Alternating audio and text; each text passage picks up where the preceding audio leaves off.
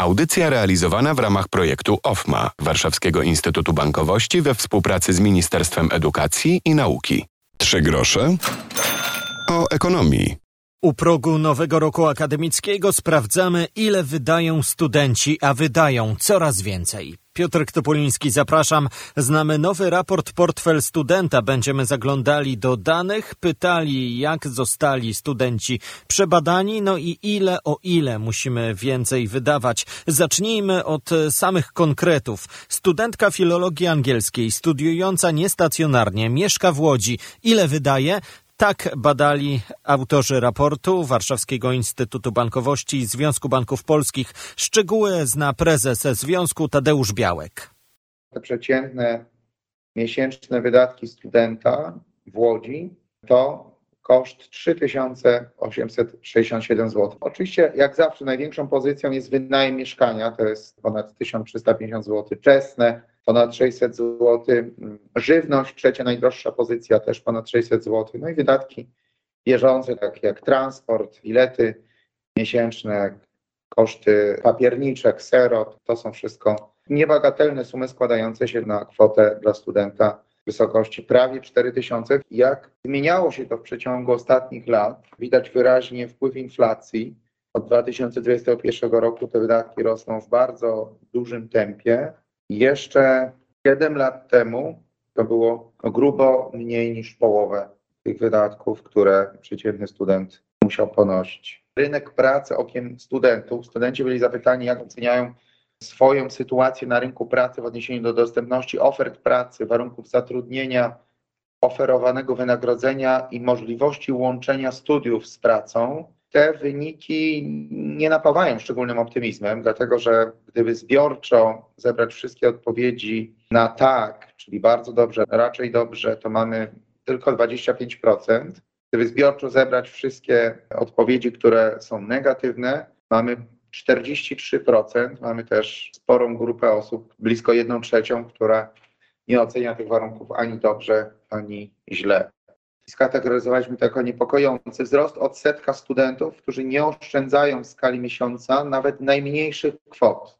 Należy także zwrócić uwagę na wzrost oszczędzanych kwot w kategorii powyżej 500 zł. To jest dobra informacja, to jest wzrost o 4 punkty procentowe, natomiast rzeczywiście wzrost odsetka studentów, którzy nie oszczędzają, można powiedzieć, nawet przysłowowej złotówki, jest w tym zakresie niepokojące. Oczywiście na to składa się wzrost kosztów utrzymania miesięcznego studenta, skorelowany oczywiście także z inflacją. Dobre w zasadzie informacje, które wyszły nam z tego raportu. Kolejny rok z rzędu, bowiem studenci deklarują coraz większą dokładność i przezorność przy zawieraniu umów finansowych, która przejawia się w postaci zapoznania się z umowami finansowymi przed ich zawarciem. 3867 zł 6 groszy, jak wynika z symulacji Warszawskiego Instytutu Bankowości, tyle miesięcznie wydaje polski student, aby móc się utrzymać. Przez zawirowania w gospodarce rośnie czesne, w górę idą ceny żywności i najmu studenckiego. Niespełna 40% polskich studentów wynajmuje mieszkanie lub pokój, tak wynika z przygotowanego przez Amron Sarfin raportu Studenci na rynku nieruchomości. Jeśli przyjmiemy że w roku akademickim 22-23, czyli w tym już zakończonym, w Polsce studiowało nieco ponad milion dwieście tysięcy osób, oznacza to, że czynsz co miesiąc opłacało 475 tysięcy studentów. Więcej o sytuacji studenckiej, mieszkaniowej dr Jacek Furga z Centrum Amron. Analiza dotyczy zarówno tego sektora studentów dziennych, stacjonarnych, jak i sektora studentów zaocznych. Widać bardzo ciekawe porównania i analizy. Ceny oczywiście wszędzie wzrosły. Powoduje to to, że część studentów, tylko zaledwie 13% z tych, którzy wynajmują lokale mieszkalne poza akademikami i ci, którzy nie mieszkają w domach rodzinnych w trakcie studiów, mieszka samodzielnie. 38% dzieli swoje mieszkanie wynajmowane przynajmniej z jedną osobą kolejną, a ponad połowa ankietowanych mieszka w większych zgrupowaniach z dwiema, trzema e, lub większą liczbą koleżanek i kolegów ze studiów. Pytaliśmy studentów o bardzo szczegółowe informacje. Rzeczywiście na tych kilkudziesięciu stronach warto zapoznać się z odpowiedziami i z analizami. Jeśli chodzi o wzrosty stawek czynszu, to wszyscy odnotowali wzrost stawek najmu, czy to pokoi wynajmowanych, czy mieszkań wynajmowanych i spółdzielonych z innymi koleżankami i kolegami. Można powiedzieć, że od 5 do powyżej 15% te wzrosty są obserwowane. To zależy od standardu, oczywiście od lokalizacji, od wielkości ośrodka akademickiego, ale rzeczywiście te zmiany są widoczne.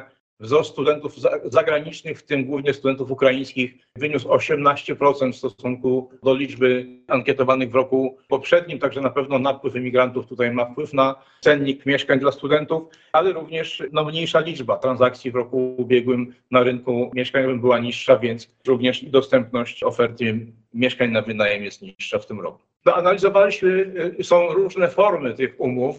Wiem, że część umów zawiadana jest również w formule ustnej, ale to wszystko zależy od tych relacji bezpośrednich, od kogo wynajmujemy, bo te wynajmy są czasami również w gronie rodziny i przyjaciół, czasami są one odpłatne, czasami są nieodpłatne, więc na pewno warto zweryfikować oferenta, który oferuje to mieszkanie na wynajem, warto zorientować się, jakie doświadczenia mieli inni, bo z reguły są to osoby, które oferują te mieszkania na wynajem studentów nie tylko po raz pierwszy, ale z reguły za każdym takim wynajmującym ciągnie się jakaś historia i warto zweryfikować w gronie studentów swoich koleżanek i kolegów, jak się im mieszkało i czy nie towarzyszyły temu różnego typu zjawiska niepożądane, bo takie sygnały też zbieramy z tego rynku. W przyszłym roku ważne dla Polski rocznice. Stulecie reform gospodarczych Władysława Grabskiego, stulecie powstania polskiego złotego, w końcu stulecie powstania Banku Polskiego i Banku Gospodarstwa Krajowego, a także stulecie wydania książki Janusza Korczaka Bankructwo Małego Jacka.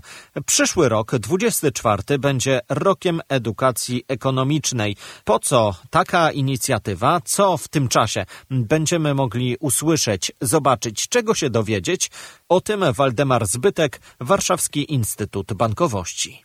Jego głównym zadaniem będzie podkreślanie roli edukacji ekonomicznej, inspirowanie do edukacji ekonomicznej, inspirowanie do rozwoju tej edukacji nie tylko instytucji rynku finansowego, nie tylko szkół, nie tylko instytucji zajmujących się edukacją, ale również instytucji publicznych. 11 stycznia 2024 roku oficjalnie zainaugurujemy rok edukacji ekonomicznej. To będzie stulecie uchwalenia przez polski parlament w 1924 roku ustaw dających prawo i narzędzia Władysławowi Grabskiemu do tego, co udało mu się w kilka miesięcy zrobić. Głównym elementem i momentem będzie Kongres Edukacji Finansowej i Przedsiębiorczości w marcu przyszłego roku. Jak co roku, bo będzie już to ósma edycja tego kongresu realizowanego wspólnie ze Związkiem Banków Polskich i Giełdą Papierów Wartościowych.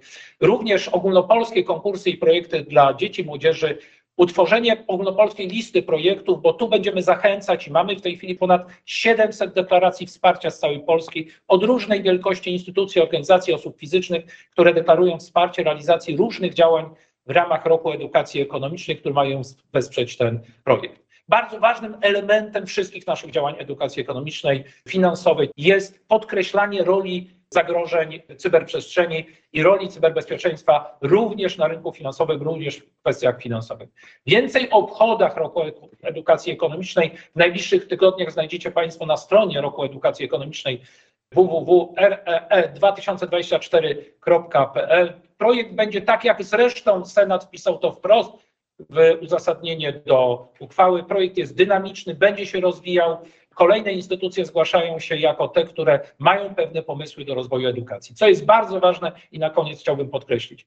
Mamy tutaj nadzieję zarówno ze Związkiem Banków Polskich, jak i pozostałymi partnerami tego projektu, że to nie będzie rok tylko historyczny. To nie jest moment, w którym chcemy tylko i wyłącznie przypomnieć historię Janusza Korczaka i Władysława Grabskiego. Chcemy, patrząc na to, co udało im się zrobić 100 lat temu, wyciągnąć wnioski i chcemy, aby po roku edukacji ekonomicznej zostały trwałe elementy rozwijające ten zakres wiedzy, umiejętności i postaw nie tylko młodego pokolenia, ale tutaj przede wszystkim w kolejnych latach i dziesięcioleciach Szczegóły znajdziecie już teraz na stronie REE2024.pl. To skrót od roku edukacji ekonomicznej. No i na pewno będziemy do tej okazji wracali. My również włączymy się w to, byśmy o edukacji ekonomicznej mówili wiele. Kto chciałby posłuchać więcej, to już teraz zapraszam. Podcast Trzy grosze o ekonomii. Ostatnio było o edukacji w kwestii cyberbezpieczeństwa i jeszcze będziemy rozmawiali o tym, co zrobić,